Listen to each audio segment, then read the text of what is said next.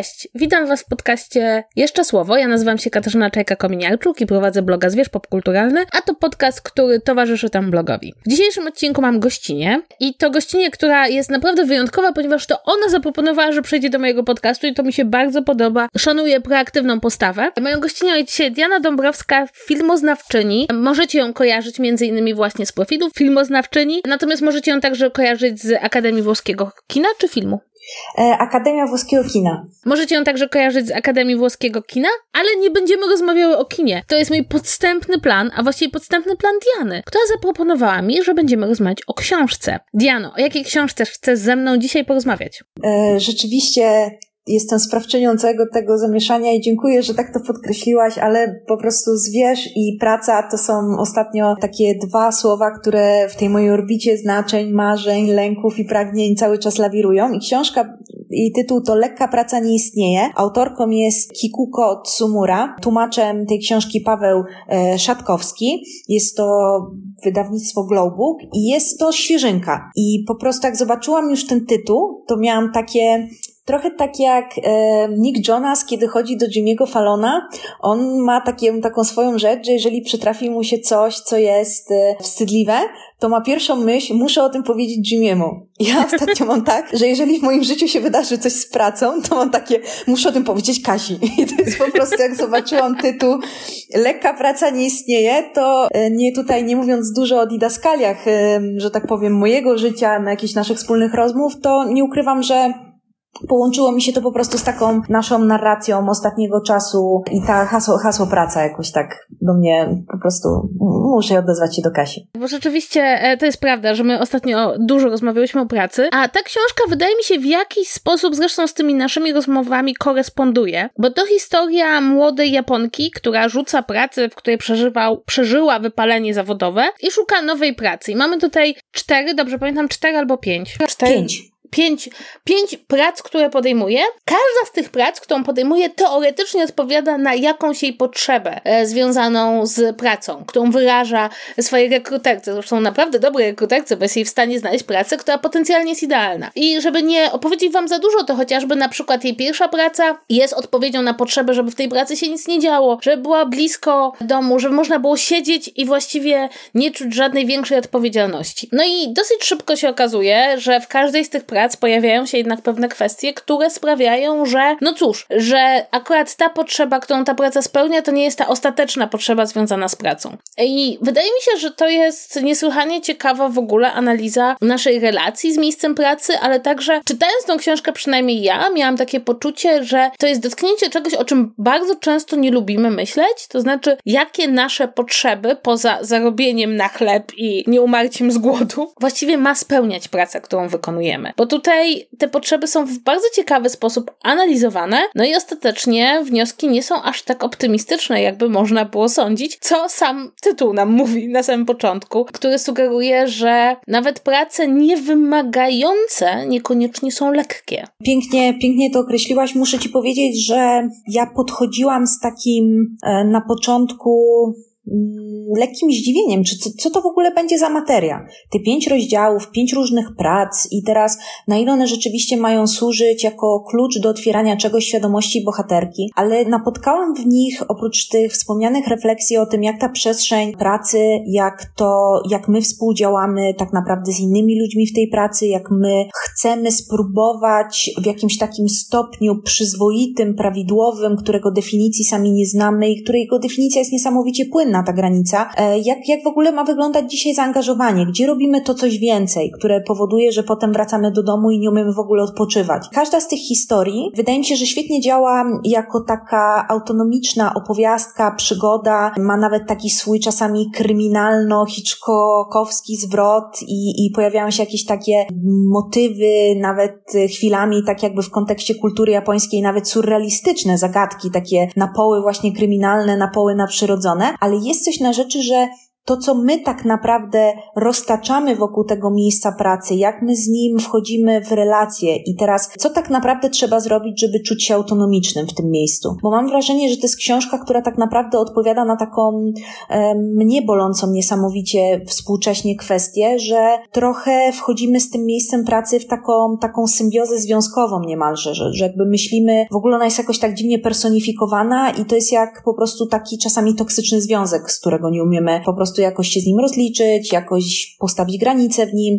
I wydaje mi się, że y, chwilami miałam takie wrażenie, że to nie jest tylko jakby o tej pracy, tylko to by mogło być również o jakichś nieudanych relacjach po prostu życiowych. I teraz jak, jak do tego doszło jakiegoś takiego rozliczenia. I muszę ci przyznać, że ta narratorka tutaj anonimowa, wiemy, że ma 36 lat, przez całą właściwie książkę zastanawiamy się, hej, ale gdzie ona pracowała, że właściwie jakby, co, co doprowadziło do tego wypalenia, że ona chce pójść do fabryki krakersów, chce tylko rozwieszać plakaty, chce pracę, która będzie w terenie, a potem chce pracę, która nagle będzie tylko za biurkiem, bo po prostu tak próbuje jakoś siebie zrelacjonować po prostu z tym otoczeniem i ludźmi i muszę przyznać, że totalnie wsiąknęłam. I to jest jedna z moich odkryć takich końcoworocznych, jeżeli chodzi o tę książkę. Mi się bardzo podoba to, co powiedziałeś, że te relacje z pracą przypominają trochę relacje w związku, dlatego, że też widzimy, jak w każdej z tych prac nasza bohaterka trochę zaczyna się w nią wtapiać, jakby pod względem, tam, ten pierwszy rozdział doskonale pokazuje, że ona w pewnym momencie zaczyna mieć ochotę na to, na co ma ochotę tam mężczyzna, którego obserwuje w pracy, że zaczyna się wkręcać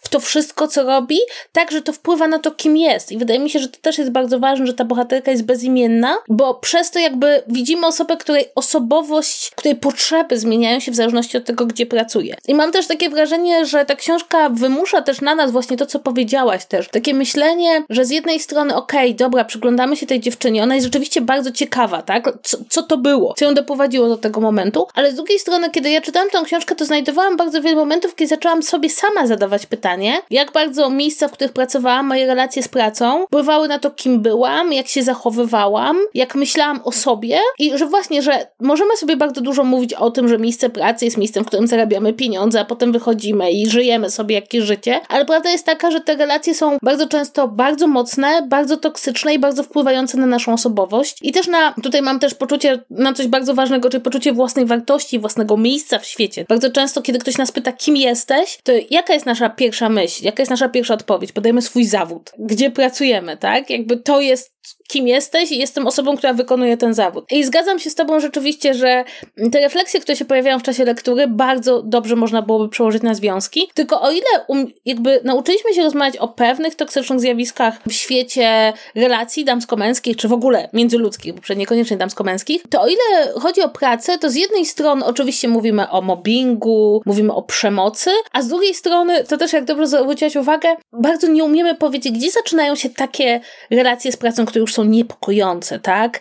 Czy jeśli wracamy po pracy do domu i myślimy o tych wszystkich rzeczach, które wydarzyły się w ciągu dnia i co zrobiliśmy dobrze, a co mogliśmy zrobić lepiej, a jak się zachowują nasi współpracownicy, to czy to jest ok i to jest po prostu tak powinno być? Czy już jesteśmy na jakiejś niepokojącej ścieżce, w której całe nasze życie definiuje się przez to, jaki był ten dzień pracy. To jest coś, co powiem Ci szczerze, mnie e, przeraża, ile razy ja w życiu tak miałam, że przynosiłam to do domu, takie jest to słynne określenie, jakby przynosisz pracę do domu, nie przynosisz teraz, czy masz taką pracę, że rzeczywiście wybija magiczna godzina magic hour i, i zostawiasz to wszystko na biurku i trochę tak jak z taką książką, którą zamykasz, e, po prostu wracasz tam powiedzmy w poniedziałek, jeśli kończysz piątek, otwierasz na tej właśnie stronie i sobie kontynuujesz. Ja takich prac, ja nie kojarzę kojarzę, żebym w całym swoim 30-paroletnim życiu miała. Mam wrażenie, że e, jestem e, jakoś tak e, nauczona jakiegoś takiego i, i to też widziałam w tej bohaterce, dlatego może ona mnie tak przyjęła, że trzeba ciągle coś robić. I nawet w nic nie robieniu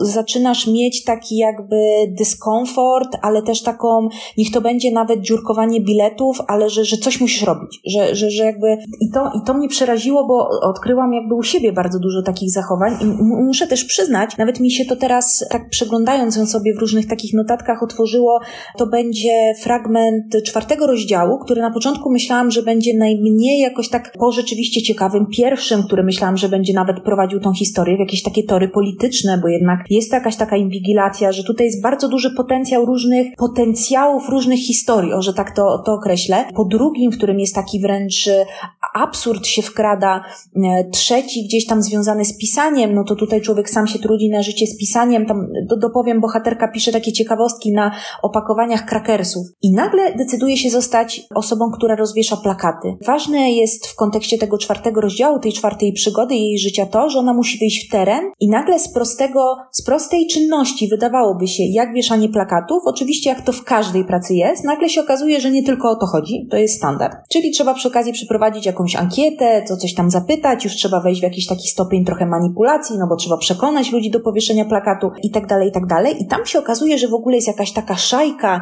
taki klub, który walczy z samotnością, co w kontekście japońskim, taka sekta jest w ogóle bardzo ciekawy i jest postawione takie, takie pytanie w tym czwartym rozdziale, z którym ja się całkowicie zanurzyłam, czy jesteś w stanie zaakceptować swoją samotność? I teraz, czy trochę nie jest tak, e, że te zachowania w pracy są odpowiedzią na to, że właśnie nie potrafimy pozwolę sobie tak powiedzieć w libie nogi, bo może słuchające nas osoby będą też jakby czuły tutaj jakąś taką bliskość z tym, co mówię, jakoś tak poczuć się na tyle autonomiczni, żeby to nie było synonimem od razu samotny, że od razu jesteś taką maszyną, która właśnie jest do rozwieszania plakatów. Nie, nie tylko to, tylko że jakby masz, masz to życie po. Też z takich skojarzeń nie chciałabym, żeby mi uciekło. Czy ty już jesteś po seansie nowego filmu Finchera Zabójca? Nie, jeszcze nie. Jeszcze jestem przed. Ale jestem tuż po seansie filmu Życie. Czy ty widziałaś film Życie?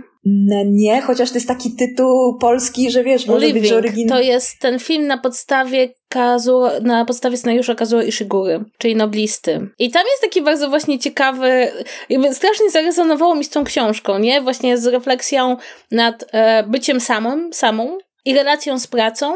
W tej pracy, jakby w tej książce było bardzo ważne, tak? Czy praca ma dawać nam satysfakcję? Czy praca to jest coś, co musi mieć dla nas sens? Coś, co w jakiś sposób sprawia, że czujemy się dobrze z naszą egzystencją. Dla mnie to było ciekawe, bo to jest coś, co zasadniczo rzecz biorąc jest bardzo trudne do omówienia, dlatego że cały czas Oczywiście rozmawiamy o pracy w kontekście ekonomicznym, e, w kontekście przeżycia, natomiast w pracy spędzamy bardzo dużo czasu. I teraz dla mnie to poszukiwanie pracy, w której można uciec od tego sensu, potencjalnie wzmacnia refleksję nad tym, jak bardzo ta praca musi mieć jednak sens. I teraz wydaje mi się, że to jest ciekawe, nie? Że jakby bohaterka ma sukcesy w tej pracy. To nie jest tak, że jej tę pracę ona je zmienia, bo jej nie wychodzi. Ona je zmienia, bo się w nich nie czuje. Coś tam zawsze jest nie tak. I dla mnie to jest taka bardzo ciekawa refleksja na zasadzie, okej, okay, szukamy pracy, w której nie będzie, będziemy autonomiczni, tak jak mówisz, bo to bardzo dobra refleksja, bardzo mi się podoba. Szukamy pracy, która nie będzie nas zabierała nam wszystkiego, jakby nie stanie się wszechogarniająca. Szukamy Szukamy pracy, która w jakiś sposób będzie nas zadowalała pod względem tego, co robimy, ale też jednak musimy mieć w niej satysfakcję, bo inaczej ujawnia się przed nami jakby cała ta kultura tego, e, jak to słynne określenie bullshit jobs, tak? Czyli prac, w których właśnie ten sens jest nieuchwytny. Więc to jest dla mnie, to było dla mnie takie poruszające, nie? Zwłaszcza, wiesz, w kontekście też takich prac, które są właśnie takie trochę kreatywne, ale nie bardzo kreatywne, tak? Takie jak mm. pisanie tekstów reklamowych, tak jak pisanie ciekawostek na opakowania krakersów. To nie jest praca, która jest niekreatywna, ale ta kreatywność idzie w dziwnym miejscu, tak? W takim, w którym możesz sobie wyobrazić, że ktoś tego nie robi. Biorąc pod uwagę prace, które ja wykonywałam, które były dosyć podobne, to znaczy miały swój zakres kreatywności, ale w takim, w takiej bańce, w której człowiek mógł sobie wyobrazić, że tej pracy nie ma, e, to było najbardziej intrygujące. Natomiast zgadzam się, wracając do tego twojej refleksji nad samotnością i autonomicznością, że to jest w ogóle ciekawe, bo tutaj mam bohaterkę, która jest trochę wyjęta z społeczeństwa, nie? Wiemy, że ma rodziców, wiemy ile mamy lat, mało wiemy o jej przeszłości, nie znamy jej imienia, nie, nie mamy jakichś takich głębokich związków, których jest. Mamy jakąś osobę, która się próbuje odnaleźć w świecie, tak naprawdę. I właśnie, czy, czy może się odnaleźć bez wchodzenia w relacje bardzo pogłębione, które często są toksyczne, czy w ogóle jesteśmy, czy umiemy tak o sobie myśleć? I to mi się wydaje bardzo ciekawe, że ja to czytam jako rzecz bardzo japońską, ale wydaje mi się, że jest coraz ważniejsza w naszym społeczeństwie. Tak, też mi się wydaje, że jest taki moment, w którym to się przenosi na jednak taki stopień uniwersalne pokolenia 30-parolatków, 40-latków, którzy e, spotykają się w takim momencie życia właśnie z taką refleksją trochę o takim, takiej kruchości nawet wszystkiego, co, co było dotychczas. To znaczy, kiedy przychodzi to wypalenie i rzeczywiście coś się w tobie kruszy i nagle, okej, okay, to mi się to kojarzy z takim e, z taką fantazją, którą ja miałam niejednokrotnie i z tego co wiem, nie jestem w tym sama. Po tym, jak ci się coś nie uda, a bardzo dużo nadziei z tą daną pracą, tutaj jakoś też to połączę ze związkiem, wkładałaś w to, to masz ochotę i ta bohaterka i część tych ludzi, których ona spotyka, też widzę, że to mają. Masz ochotę w pewnym momencie całkowicie się wycofać, najlepiej rozpłynąć, najlepiej to w ogóle pójść na jakąś taką, e, nie wiem, robotę mechaniczną, że po prostu stopisz się z tym. I, I jakoś tak, czy to będzie chodzenie po parku, dziurkowanie biletów, czy po prostu chodzi o to, żeby się stopić z podłożem, po którym stąpasz, że nagle tutaj miałaś jakąś odpowiedzialność, tutaj były jakieś wymagania i to cię w jakimś tam stopniu przerosło i nagle po prostu możesz sobie pozwolić na taką fantazję, że znikasz. Dlatego też mi się wydaje, że ta opowieść o duchach przestaje być tylko związana z japońską kulturą, tylko my trochę wszyscy jesteśmy już takimi duchami, którzy tak jakby nie tylko w Halloween się pojawiają, na takiej zasadzie, że to, je, to jest jakby o takim, e, na, na ile jesteśmy w tym wszystkim tak jakby materialni i osaczeni i jakoś tak zakotwiczeni, a na ile właśnie trochę w tym wszystkim odlatujemy i w tej pracy po prostu chcemy przetrwać i trochę jesteśmy jakimiś tam duchami. Ale e, mam też takie wrażenie, że ważne w kontekście tej książki jest to, że ta cała droga, która początkowo jawi się właśnie jako takie e, niby e, rozdziały, które są same w sobie takimi e, mikroświatami, perełkami, jakimiś takimi przygodami, z taką konwencją bardzo specyficzną, gdzie właśnie też pojawia się jakieś napięcie i tak dalej, i tak dalej, że one są też taką jakby próbą integracji tej bohaterki do tego, żeby ona stanęła na nogi. Na takiej zasadzie, że z, każdą, z każdym doświadczeniem, które ona akceptuje i z którego uczy się wychodzić, czasami tak jakby wychodząc przed szereg, czasami kiedy ktoś z niej zrezygnuje, zrezygnuje, bo tam też się pojawia taki wątek, że akurat w tym właśnie czwartym rozdziale ona była zdziwiona z takiego obrotu spraw i mówi to tej swojej opiekunce tam w tych kwestiach zawodowych, że to też jest taka trochę opowieść o tym, jak bardzo e, integracja to jednak jest proces, e, jak bardzo to się wiąże z jakąś taką akceptacją trochę bezcelowości pewnych spraw. I wydaje mi się, że w skali mikro o tym, że my mamy trud jakby z akceptacją takich rzeczy, świadczy o tym, że my chcemy trochę nadawać sensy. To znaczy, to, że ona idzie za każdą tą intrygą, jest jakby ciekawe psychologicznie, że właśnie fajnie, jak się coś dzieje, niż jak się nie dzieje, jak mamy do wyboru. Nawet jeśli to ma być powiązane z jakimś absurdem i teorią spiskową. I powiem Ci, że to, to jako taka cała podróż integrowania siebie, żeby zrozumieć w pewnym momencie, że ten tytuł Lekka praca nie istnieje, właściwie sam sobie jest takim egzystencjalnym spoilerem, no tak, jakby there's no such thing, such thing as an easy job, tak? To jest ten angielski, nie ma takiej rzeczy. Voilà. To, że zostajemy bohaterkę w takim momencie jej życia, też e, wydaje mi się, że bardzo dobrze się zgrywa z jakimiś przeczuciami, które ma wiele osób w naszym wieku, bo tak e, obejmuje nas e, szeroko ramieniem, że kiedy patrzymy na jakby taką drogę życiową, to ona bardzo często jest ciągle obietnicą czegoś więcej. W związku z tym kończymy szkołę, idziemy na studia, kończymy studia, decydujemy się na pierwszą pracę, potem będzie lepsza druga, trzecia, czwarta. Gdzieś właśnie jak mamy 30 parę lat, 40, to dochodzi do nas bardzo często, że doszliśmy gdzieś w jakimś, na jakiejś drodze, doszliśmy trochę automatycznie, też wybierając ją, czy trochę przez przypadek, trochę korzystając z kolejnych okazji, dochodzimy do jakiegoś momentu i nagle się okazuje, że jakby albo nie będzie już dużo więcej, jakby nie, nie możemy dostać awans, ale jakby nie ma tych wielu drzwi, jakby coś już wybraliśmy, tak? Coś już czegoś zrezygnowaliśmy. I wiele osób pierwszy raz ma po 30 przystaje i zastanawia się, czy, czy to miało być to, tak? Czy to chciało iść w tą stronę. Czy po prostu poszliśmy gdzieś, prawda, pierwsza praca po studiach, już mamy jakieś doświadczenie, przejęli nas w następne miejsce, okej, okay, idziemy w następne miejsce, trzeba mieć etat, trzeba mieć ubezpieczenie. Jest to kilkanaście lat takiego zmagania się z rynkiem pracy, gdzie bardzo niewiele osób może podejmować świadome decyzje zgodnie z planem, bardzo wiele osób e, jest zdanych po prostu na to, co było, na jakiś przypadek. Gdzieś tak w okolicach 30 e, któregoś roku życia, przed 40, zdajemy sobie sprawę, że, jeśli, że to jest ostatni moment, że jeśli naprawdę chcemy pójść w jakąś inną stronę, zastanowić się nad tym, co chcemy robić, na czym nam naprawdę w tym zawodowym życiu zależy, to teraz, bo potem będzie nam coraz trudniej. Będziemy za długo w jednym miejscu pracy, będziemy, nie nadążymy ze zmianą kompetencji, ktoś tam może myśleć o funduszach emerytalnych, prawda, jak one się będą układały. Więc ja miałam takie poczucie, poza tym, że jakby tutaj bohaterka właśnie to fajnie mówisz, integruje się, uczy się pewnych rzeczy, że to jest tak, że z takich przykładów, kiedy ktoś wysiada z tego rozpędzonego pociągu i mówi, okej, okay, dobra, a co ja tak naprawdę chcę robić? Jak to ma naprawdę wyglądać? Kim ja jestem?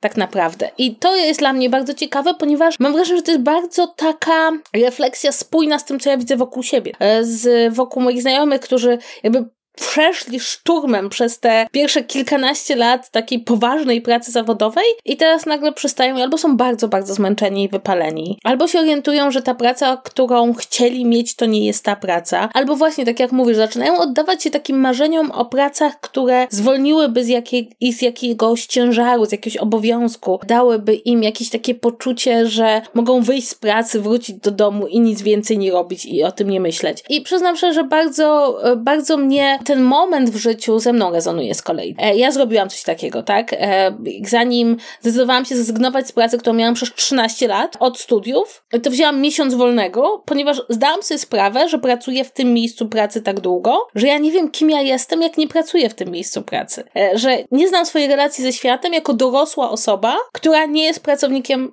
w tym miejscu pracy i chodzi w określone dni e, pracować. No i co się okazało? Okazało się, że, że mogę zrezygnować z tej pracy, że jest gdzieś tam wystarczająco dużo mnie poza tą pracą i dla mnie było szokiem, bo mówię, 13 lat pracy w jednym miejscu to jest bardzo dużo, jak, jak na to, że lat mam 37 i ja myślałam, że ja będę strasznie tęsknić, że ta praca była jakąś tak ważną częścią mojego życia przez tyle lat, że to po prostu w żadnej szkole nie byłam tak długo jak w tej pracy. Od tamtego czasu byłam w budynku, w którym pracowałam raz ani razu nie poczułam tęsknoty i to dla mnie też było szokujące, bo też wydaje mi się, że opowiadamy sobie o naszej relacji z pracą tak trochę jakbyśmy właśnie pisali jakieś opowiadanie, ale ponieważ bardzo rzadko mamy możliwość przetestowania tego, jak to jest naprawdę, bo też lęk finansowy czy lęk, że nie znajdziemy następnej, to nawet sobie nie zdajemy sprawy, jaka jest naprawdę autentyczna ta nasza relacja. To jest temat życia. Ja mam wrażenie, że tutaj spotyka się ta nasza ostatnia rozmowa gdzieś w tym, co, co mówisz, której no oczywiście osoby nas słuchające nie doświadczyły, ja tylko powiem, że ona się związa, wiązała u mnie ze zmianą miejsca zatrudnienia i ja mam takie wrażenie, że w przestrzeni pracy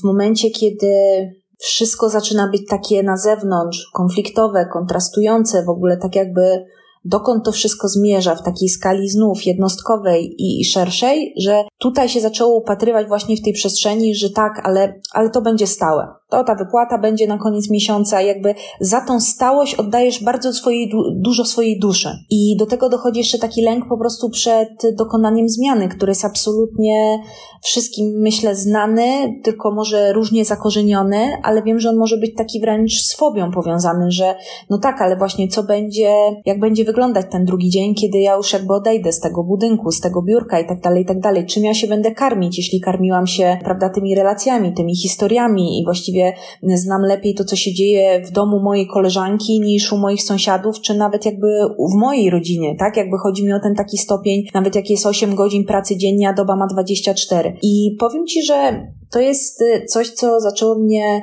e, w kontekście e, mojego życia przerażać, bo pamiętam, że jak studia, jak to mawia bohaterka filmu Love Story, że to jest taka choinka e, pełna prezentów, a życie zaczyna się po studiach.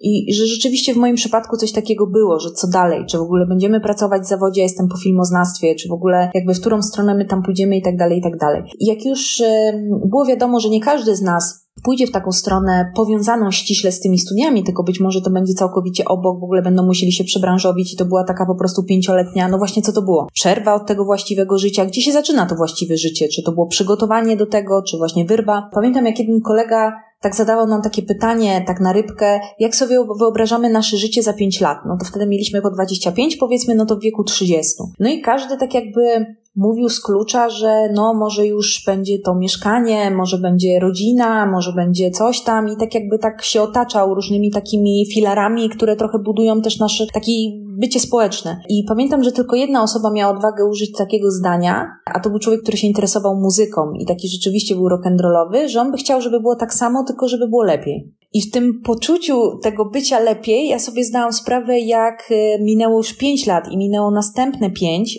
w moim życiu, że na pewno mi nie daje tego praca. To znaczy, ona stała się piękną ucieczką, ona się stała pięknym zapychaczem, stała się coś, czymś, co może być synonimiczne z jakimś tam, że, że nawet ja jestem filmoznawczynią, tak lubię się przedstawiać i tutaj ten, ale że na pewno przestaje coraz bardziej, mimo wzrostu zarobków, być tym czymś, co będzie lepiej. I to, to jest dla mnie gdzieś tam przerażające i chciałabym dojść do takich refleksji, jak ta dziewczyna tutaj w naszej książce, nasza anonimowa bohaterka, która właściwie tak patrzy, okej, okay, tak jakby właściwie nie będzie lepiej. Po prostu nie będzie łatwej pracy. Nie będzie też jakiejś może arcyciężkiej pracy. Będą wzloty, będą upadki. Po prostu będzie, kropka. Wiara w to, że będzie lepiej, nie ma jej. To, co powiedziałaś, bardzo mocno ze mną rezonuje, to kwestia tego lęku związanego ze zmianą pracy, z jakby to, co tutaj jest w tej książce, co dla mnie robi niesamowite wrażenie, to zmiana pracy. Bo ja w życiu miałam dwie prace. Pierwszą, którą dostałam jeszcze na studiach, którą wykonywałam od studiów do, do no, po trzydziestce i druga, którą mam teraz, kiedy jestem sama sobie starym żeglarzem okrętem i robię bardzo różno, dużo różnych rzeczy. E, natomiast tutaj mamy osobę, która tę pracę zmienia, która się tego nie boi. Pod tym względem przyznam szczerze, że ta jej postawa, że będzie różnie, także moim zdaniem wynika z tego właśnie pozbycia się tego lęku, tak, że pracę można zmienić, można szukać innej pracy, może żadna z nich nie będzie lekka, może żadna z nich nie będzie w pełni satysfakcjonująca, ale ponieważ jest ich tak wiele, to można jakby szukać dalej, tak, i, i wtedy to żadna praca nie jest idealna, ale z drugiej strony praca jest podróżą w jakiś sposób, tak? I ona się uczy czegoś w tych kolejnych etapach. I ja mam taką teorię, oczywiście może to być teoria absolutnie wyssana z palca, że było kilka takich lat, e, na początku lat 2000, kiedy mm, osoby, które szły na studia i z nich wychodziły, wchodziły w rynek pracy w środku kryzysu, tak? Kryzys 2008 roku. Duże bezrobocie, zwłaszcza wśród młodych, e, prawda, te straszne śmieciówki. I wtedy, kto dostał pracę, zwłaszcza taką stałą, to po prostu wygrał los na loterii, nieważne co to było. Mam takie po prostu głębokie poczucie, że we mnie ten okres bardzo mocno zakorzenił lęk przed tym, że pracy nie ma, tak? Mimo, że wskaźniki bezrobocia mówią zdecydowanie co innego. I też lęk przed zmianą, tak? Nie możesz zmienić pracy, bo zmiana pracy oznacza, że w następnej mogą ci dać gorszą umowę. I myślę, że to jest dosyć ciekawe, ponieważ no, Polski ten wielki kryzys lat, początku lat 2000 aż tak mocno nie dotknął, ale ja mam wrażenie, że wpisał, zwłaszcza w, i to powiem to bez ogródek, w osoby, które wybrały bardziej humanistyczną drogę pracy, tak, e, kiedy to się mówiło o olbrzymim bezrobociu wśród absolwentów studiów humanistycznych, no wpisał taki wielki lęk właśnie przed tym, co dalej, czy nam wolno w ogóle, czy skoro już dano nam jakąś pracę w ogóle, to czy wolno nam ją zmienić, ponieważ ja na przykład, ja studiowałam historię i socjologię, ty studiowałaś filmoznawstwo i na pewno nieraz usłyszałyśmy, że tak naprawdę jesteśmy kompletnie zbędne i nasze wykształcenie jest kompletnie nieprzydatne. W związku z tym, skoro ktoś już nas tak docenił i dał nam pracę, może tak się do niczego nie nadajemy, to być może nie, nie mamy prawa z niej zrezygnować. Kiedy porównywałam jakby moje życiowe doświadczenia z doświadczeniem moich znajomych, którzy chociażby pracują w zawodach związanych z programowaniem, z informatyką, gdzie oni zmieniają pracę na zasadzie, mm, to już mi się nie podoba, tak? To już nie ma dobrych warunków dla mnie, idę dalej, albo to, co robię jest nudne, poszukam miejsca, gdzie robi się coś ciekawszego. Ja patrzyłam na to tak na zasadzie, to tak wolno? Możesz, możesz po prostu chcieć czegoś, a nie żyć w tej głębokiej wdzięczności, że ktoś w ogóle docenił fakt, że chcesz pracować. Więc e, ja też jakby mam takie poczucie, że nasze, nasze relacje z pracą są toksyczne także dlatego, że nas nastawiono w ten sposób. Ile razy słyszałam, że osoba, która studiuje historię, może pracować wyłącznie w szkole. Jakby nikomu nie przyszło do głowy, że istnieje jakiś inny zawód. Do dzisiaj e, studenci socjologii słyszą bardzo często, że ich zawód jest kompletnie zbędny, e, mimo że socjologia ma świetny procent zatrudniania absolwentów. No filmoznawcy to w ogóle słyszą, że co to za zawód oglądanie filmów. A jaka jest najbardziej złośliwa rzecz, którą usłyszałaś związana z e, właśnie wybraną drogą studiów? Chyba najbardziej mnie zawsze porażało, kiedy ludzie mówili, że dwie rzeczy, że historia to nie jest co, co studiować na historii, tak? Po prostu książki czytacie, to każdy potrafi książkę przeczytać. To nie jest kierunek studiów, historia. E, już pomijając oczywiście fakt, że wszyscy są przekonani, że studenci historii są nazistami. Nie, to tak nie jest.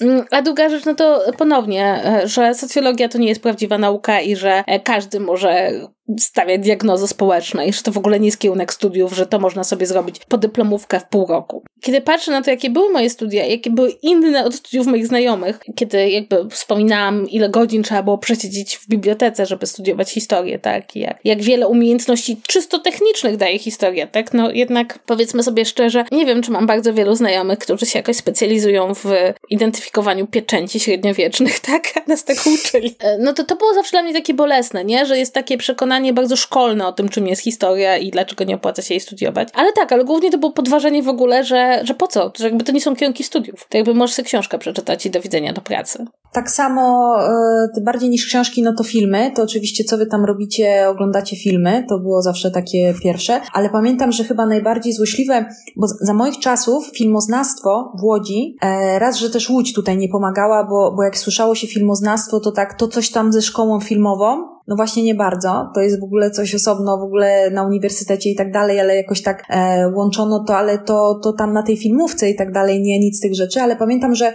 za moich czasów to było powiązane z kulturoznawstwem. I najbardziej taką wynajmowałam pokój na pierwszym roku studiów, dzielnica Bałuty, taka dosyć ciekawa dzielnica w Łodzi, ba bardzo miło to wspominam, mimo różnych, jakby jak przyjechałam z Jeleni Góry, nie miałam pojęcia o topografii Łodzi, więc od razu to tam, tam był pierwszy adres, pierwsza podróż do Łodzi, to, to tam, gdzie wynajmowałam e, ten pokój, e, padały takie stwierdzenia, że kulturoznawstwo, takie bardzo, bardzo bolesne, seksistowskie wręcz, że to jest taki kierunek studiów dla panienek z dobrego domu, żeby wydawać ładne przyjęcia dla swoich mężów, żeby po prostu wiedzieć jakby jak to zrobić w takim stylu, czy w takim innym stylu, żeby tak porozmawiać. Ja się tak patrzyłam i mówię, ludzie kochani, tak jakby, czy to się dzieje i to, i to już jest, jakby to jest XXI wiek, jakby Obama zostaje za chwilę prezydentem, tak? Jakby, come on, to był ten moment dziejowy i tak dalej. To jest ta pierwsza rzecz, że tak zdałam sobie sprawę, jak, jak, jak jeszcze można wręcz tą taką kwestię genderową w to i, i, i teraz jakbym miała spojrzeć na to, czy rzeczywiście było więcej dziewczyn u mnie na roku? Oczywiście, że tak. Czy jakby któraś z nas dzisiaj zajmuje się wydawaniem przyjęć? Szczerze powiedziawszy, mało mnie to obchodzi. Jakby cieszę się, że mamy co jeść, tak? Jakby chodzi o to, że w ogóle co, co, to, co to było? To, to, to, to był ten kosmos. Um, I też mam takie wrażenie, że trafiłaś w punkt e, ten, tej, bo ja poszłam na studia w momencie tego kryzysu i pamiętam, jakim luksusem było to, że mi się wydawało wtedy, że mogę sobie pozwolić za, dzięki mojej mamie na pokój i nie muszę być w akademiku, co potem bardzo żałowałam, bo zdałam sobie sprawę, że straciłam zupełnie inne uniwersum wrażeń, wspólnotowości i tak dalej, i tak ale wtedy dla dziewczyny z Jeleniej Góry, ojeju, z Jeżowa Sudeckiego, z południa Polski, no, była wielka rzecz pojechać do Łodzi na studia, ale pamiętam, że nie było opcji, nie było takiego marzenia, znaczy ja miałam takie marzenia, ale nie było urzeczywistnienia, że możesz sobie wziąć tak zwany gapier wtedy. Coś, co ja polecam teraz każdemu, jak ja słyszę, że, że nie jest pewny tego, co chce zrobić po liceum, albo nawet jak na studiach po prostu widzę, że ktoś tak jest, ale nie wie, to mam takie daj sobie czas. Ja miałam takie poczucie, że ja tego czasu nie mam. Moim marzeniem było wyjechać na pół roku do Australii, żeby opiekować się koalami w parku, bo są biedne, zawsze pijane, mają zawsze zapalenie spojówek i potrzebują mnie w tej jednej godzinie, kiedy nie śpią. To było moje życie. Ja, ja chciałam się opiekować koalami. Czy mogłam to zrobić? Nie było takiej opcji. I teraz, jak budujesz sobie 10 lat swojego życia, jeżeli w wieku 20 lat już popełniasz ten kardynalny błąd, że już mówisz nie, nie zaopiekuję się koalami, jakby. Będę wydawać przyjęcia dla, dla męża, którego nie mam i dla przyjaciółek, których też nie mam. Wiesz o co chodzi? Ten paradoks, że ja byłam nauczona, że masz pracować. I to wydaje mi się, że wyrasta nie tylko z domu, z którego ja pochodzę, tylko w takie coś, że wtedy po prostu to było jasne, że kończysz liceum, jeżeli tylko możesz, idziesz na studia i robisz, i potem dostajesz pracę i ją bierzesz, i tak dalej, i tak dalej, i tak dalej. Ten nacisk na pracę zrobił się chyba w ostatnich latach jeszcze większy. Ostatnio rozmawiałam, no przez internet, w związku z tym to jest jakaś taka niereprezentatywna grupa, ale że dzisiaj już nawet, tak jak w naszym pokoleniu było tak, że te studia to, to jest coś, co zdecydowanie warto, to dzisiaj się mówi coraz częściej, że nie warto iść na studia, bo one cię nie przygotowują do zawodu, od razu iść do pracy. I sobie tak myślę, że oczywiście z punktu widzenia rosnącego jakby miłości do kapitalizmu w naszym społeczeństwie, to oczywiście z punktu widzenia rynkowego to ma sens, żeby jak najwięcej osób jak najszybciej pracowało. Ale zgadzam się z Tobą, że kiedy natychmiast wsiąka się w ten rynek pracy, to nigdy nie ma możliwości stanąć obok i zapytać samego siebie, kim jestem, na czym mi zależy, co chcę robić w życiu. Rynek tego nigdy za nas nie zrobi, tak? Nikomu, kto, kto zajmuje się e, dawaniem pracy, czy, czy jakby zarabianiem wielkich pieniędzy, nie zależy na tym, żeby ludzie zadawali sobie pytanie, kim są. Studia dla wielu osób były dobrym momentem, tak? Zadania sobie pytania, kim są, ale teraz coraz więcej osób te studia pomija. I też e, mówimy coraz więcej o wypaleniu zawodowym. Ja się nie dziwię, bo trudno się nie wypalić zawodowo, kiedy właśnie coraz częściej to, to zdanie, nie mogę tego zrobić, muszę pracować, wypowiadamy coraz wcześniej. Przy czym nie mogę tego zrobić, muszę pracować, nie, nie chodzi tylko o to, że musimy mieć za co żyć, bo to jest jasne, absolutnie. Ja zdaję sobie sprawę, że praca przede wszystkim zapewnia nam pieniądze na byt i po prostu ludzie muszą mieć z czego żyć. I jest gdzieś w tym wszystkim tak, taka niechęć do naszej refleksji nad tym właśnie, co my moglibyśmy robić w życiu, nawet, nawet zarobkowo, tak? Nawet, nawet za pieniądze. Więc tak, zgadzam się z Tobą absolutnie, że jakby właśnie już koło tego 19 roku życia coraz częściej pojawia się to zdanie, nie mogę, muszę, muszę iść jak najszybciej do pracy, nie mogę się zastanowić, jaka to będzie praca, to musi być ta pierwsza praca. Też jest coraz więcej takiej narracji, że ludzie są leniwi, jak, nie, jak, jak chcą chociażby wiedzieć, co robić w pracy. Ostatnio po Twitterze biega taka, takie wideo takiej młodziutkiej dziewczyny, która zaczęła swoją pierwszą pracę od 8 do 17 z jakimiś długimi dojazdami i ona płacze, że ona nie ma czasu na życie, tak? I Twitter jest pełen mężczyzn, którzy mówią witamy w dorosłości albo tak to będzie wyglądać wyglądać. Tak to ma wyglądać. Boże, jakie to nowe pokolenie jest beznadziejne. A ja sobie myślę, że nie, że to młode pokolenie być może staje obok i mówi sekundkę.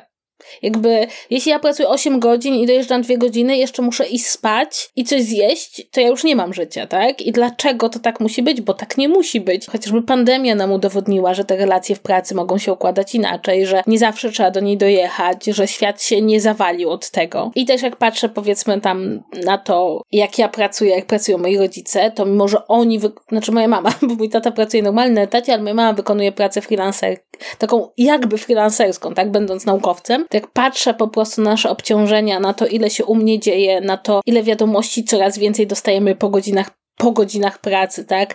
Kiedy trzeba odebrać maila, to widzę po prostu, jak to coraz bardziej przyspiesza, tak? I mam taką jakby doskonały przykład, że kiedyś jak szłam z moją mamą w góry, a chodzę z moją mamą od bardzo dawna w góry, no to to był czas wolności, tak? Po prostu byłeś w górach. Chodziło się po górach. Obecnie na szlaku dzwoni telefon, rada naukowa, y, my, moja menadżerka dzwoni już nie ma tej wolności, tak? I to są takie rzeczy, które się zmieniają i ja się nie dziwię młodemu pokoleniu, e, które żyjąc coraz bardziej w takim poczuciu, że, że właśnie nie mają prawa się zatrzymać, nagle ma takie sekundkę. Ja nie chcę, żeby moje życie tak wyglądało. Ja im bardzo kibicuję, bo, bo to nie jest tak, że im więcej pracujesz godzinowo, czy im więcej swojego życia oddasz pracy, tym większą masz satysfakcję, co też opowiada nam ta książka książka, ta lekka praca nie istnieje.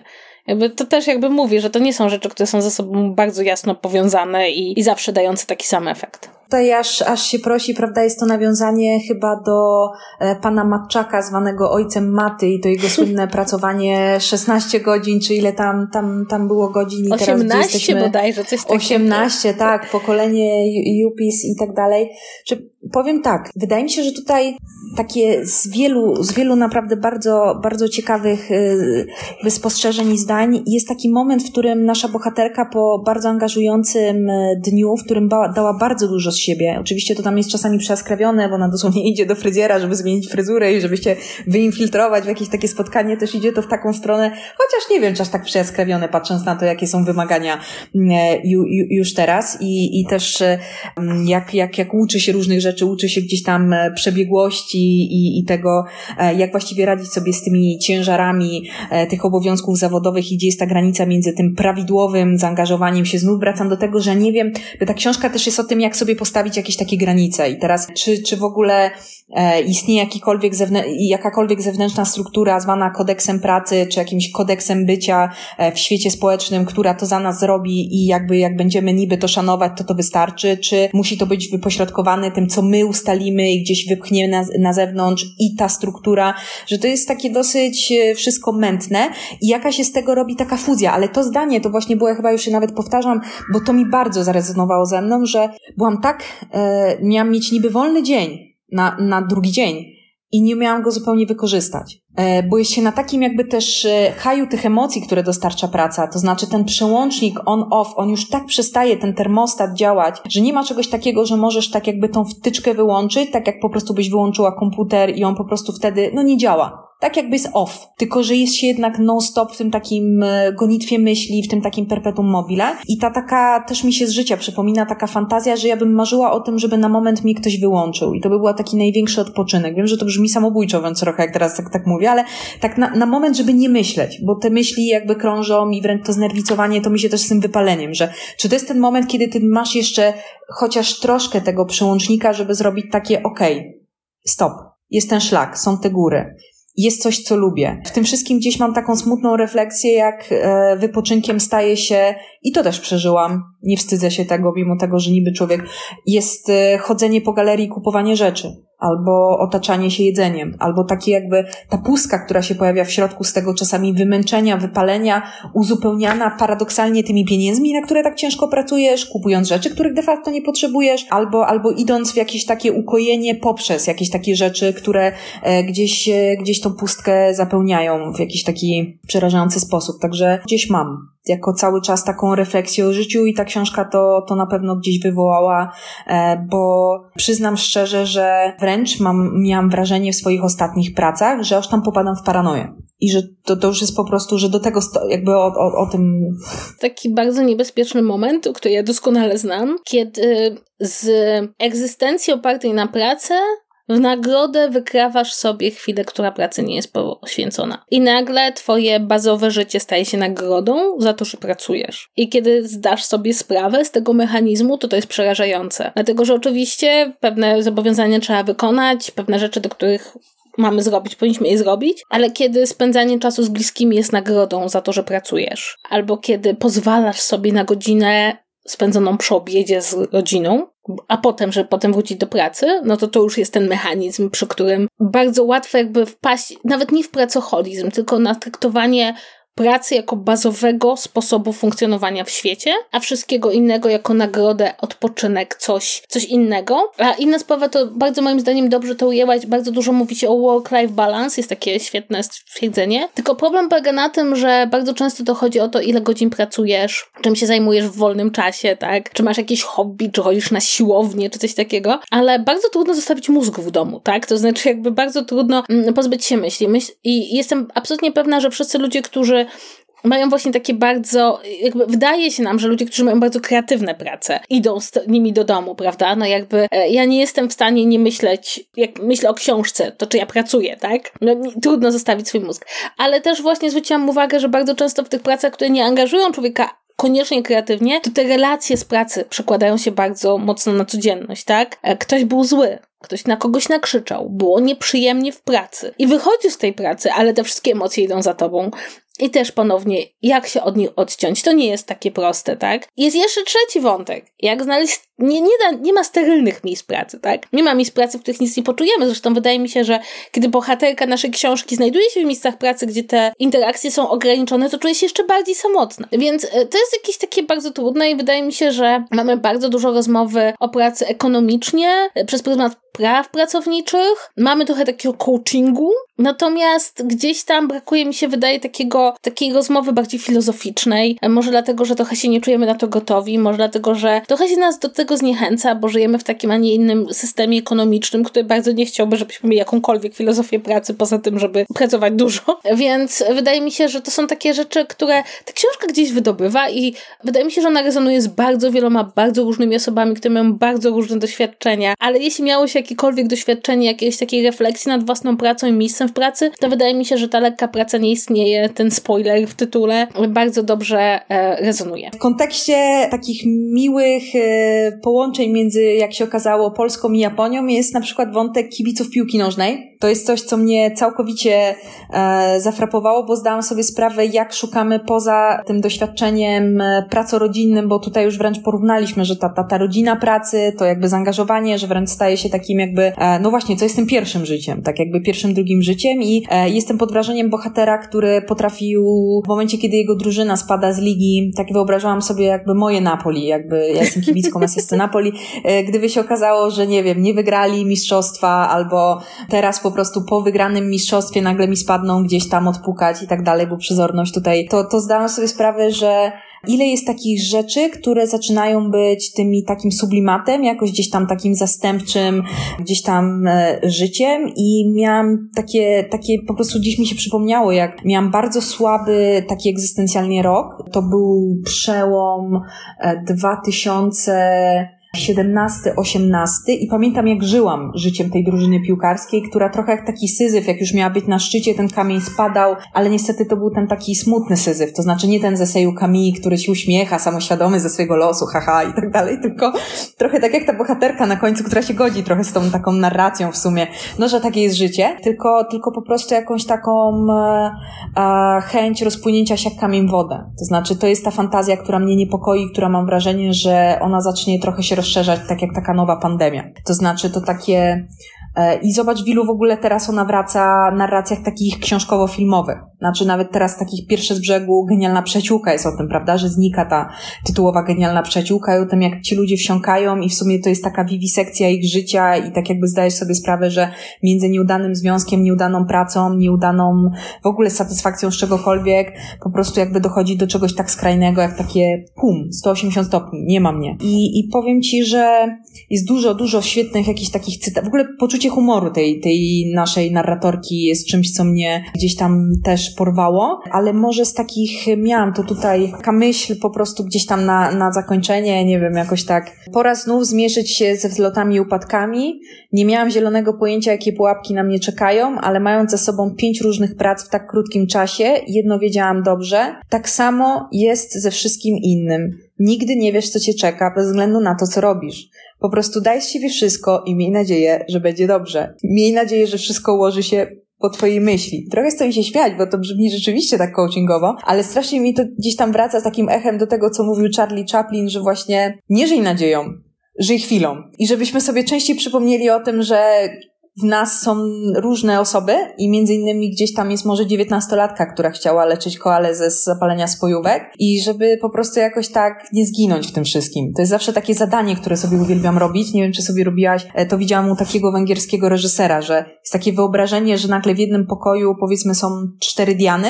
Jedna ma pięć lat, druga niech ma jedenaście, trzecia dziewiętnaście, czwarta 25, no i teraz jest ta 30-letnia i prowadzimy konwersację. Na zasadzie jest i, i, i, takie wyobrażenie, że jak ta pięcioletnia mówi, słuchaj, ty chciałaś przecież być lekarką, a ta na przykład 19-letnia mówi w pewnym momencie, ale jak to, przecież ty się boisz krwi i taki prowadzę dialog ze sobą i, i po prostu myślę, że to może być taki rodzaj takiego trochę ukojenia, że, że tak jakby w tej samotności możemy roz, ro, rozmawiać ze sobą taki twórczy sposób. Wyobraziłam sobie te cztery czajki, które po prostu, czajka, co chcesz robić? pisać. Czajka, co, co robisz? Piszę. A, to spoko. ale nie, ale... Ale widzisz, ty wygrałaś życie. Olej do is winning. Tak. To jest po prostu... nie, ale wydaje mi się, że jeszcze mam takie dwie uwagi, takie kompletnie końcowe. Bardzo mi się zresztą podobał ten fragment, który przytoczyłaś, taki, który z jednej strony jest słodko-gorzki, tak, ale z drugiej strony właśnie mówiący o tym, że w sumie potencjałów mamy bardzo dużo. Póki coś robimy, to coś robimy. Mm, natomiast, że to jest książka, która jest japońska i przez bardzo wiele lat Japonia była jako ten symbol tych, tego toksycznego, tej toksycznej relacji ludzi z pracą, tak? Zwłaszcza u nas w Europie. E, I fakt, że my tak dobrze rozumiemy bohaterkę, trochę mówi nam o tym, że te warunki pracy i to podejście, które było bardzo zróżnicowane kulturowo, się coraz bardziej wypłaszcza. I być może warto się zastanowić, czy to jest dobry trend. I ostatnia uwaga, absolutnie techniczna, i to muszę ją zamieścić z szacunku. Ta książka w tym wydaniu jest przetłumaczona nie z japońskiego, tylko z angielskiego. I wiem, że to dla wielu osób ma olbrzymie znaczenie przy wyborze lektury kraju pochodzenia. Trochę żałuję, że nie dostaliśmy tłumaczenia z japońskiego, no ale żyjemy w takim świecie, gdzie łatwiej przetłumaczyć z angielskiego. Po prostu łatwiej znaleźć tłumacza z angielskiego niż z japońskiego. Natomiast zaskoczyła mnie też ta książka poczuciem humoru i takim jakimś surrealizmem, który ja całkiem dobrze wyczuwam i rozpoznaję. I to też jest takie ciekawe, bo często do literatury japońskiej podchodzimy jako do literatury z dalekiego kraju kraju, zupełnie innej kultury, ale okazuje się, że być może wszyscy na świecie mamy te same dylematy. Chcielibyśmy coś robić, chcielibyśmy, żeby miało to sens. Chcielibyśmy, żeby Diana lat 5 była dumna z Diany lat 35. E, wydaje mi się, że to też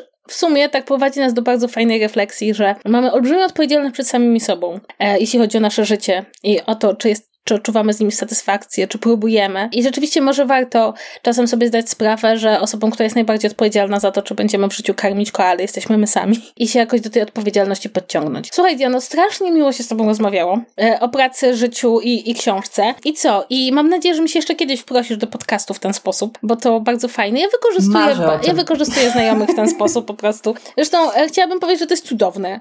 Czy możemy od razu powiedzieć, że to jest cudowne, że Diana przeczyta książkę, która z nią zarezonowała, napisała do mnie, czy możemy o niej porozmawiać? I myśmy o niej porozmawiały i wyszła nam strasznie fajna rozmowa. I tak trzeba żyć po prostu. Hashtag tak trzeba żyć. Tak trzeba robić treści. Dziękuję Ci jeszcze raz. E, gdzie ludzie mogą Cię szukać? Jak wysłuchali naszej rozmowy, pomyśleli, chcę poznać Dianę lepiej, to jeszcze powiedz, gdzie Cię szukać? Film, e, patrz, mówiąc o rolach w życiu, filmoznawczyni Diana Dąbrowska. Jak się wpisze w, ale muszę, kurczę, tyle tak to pięknie powiedziałeś. I myślę, że nie jedna dziewczyna, czy to z Łodzi, czy z Warszawy, czy z Podsieradza, czy z pod Jeleniej Góry, chciałaby mieć tyle odwagi, co ta japońska narratorka, żeby wycofywać się z tych różnych prac, co w to kontekście Japonii jest niesamowicie odważne, na zasadzie, że ona jednak, hmm, próbuje i uczy się. Także tak, filmoznawczyni, filmoznawczyni Jana Dąbrowska. Widzisz jakieś tu zrodzona skromność, ja się tak teraz czuję, gdzie można cię szukać w internecie. W internecie, tak. Szukajcie Diany w internecie. Akademia Włoskiego kina, e, w której ja kiedyś byłam gościnią, bardzo... Ba dwa razy! Dwa, dwa razy, razy, to prawda. To jest ważne. Bardzo fajny cykl, jak, jak chcecie lepiej poznać włoskie kino, to najlepszy adres w polskim internecie. To tyle w tym odcinku, do usłyszenia w następnym, pa pa!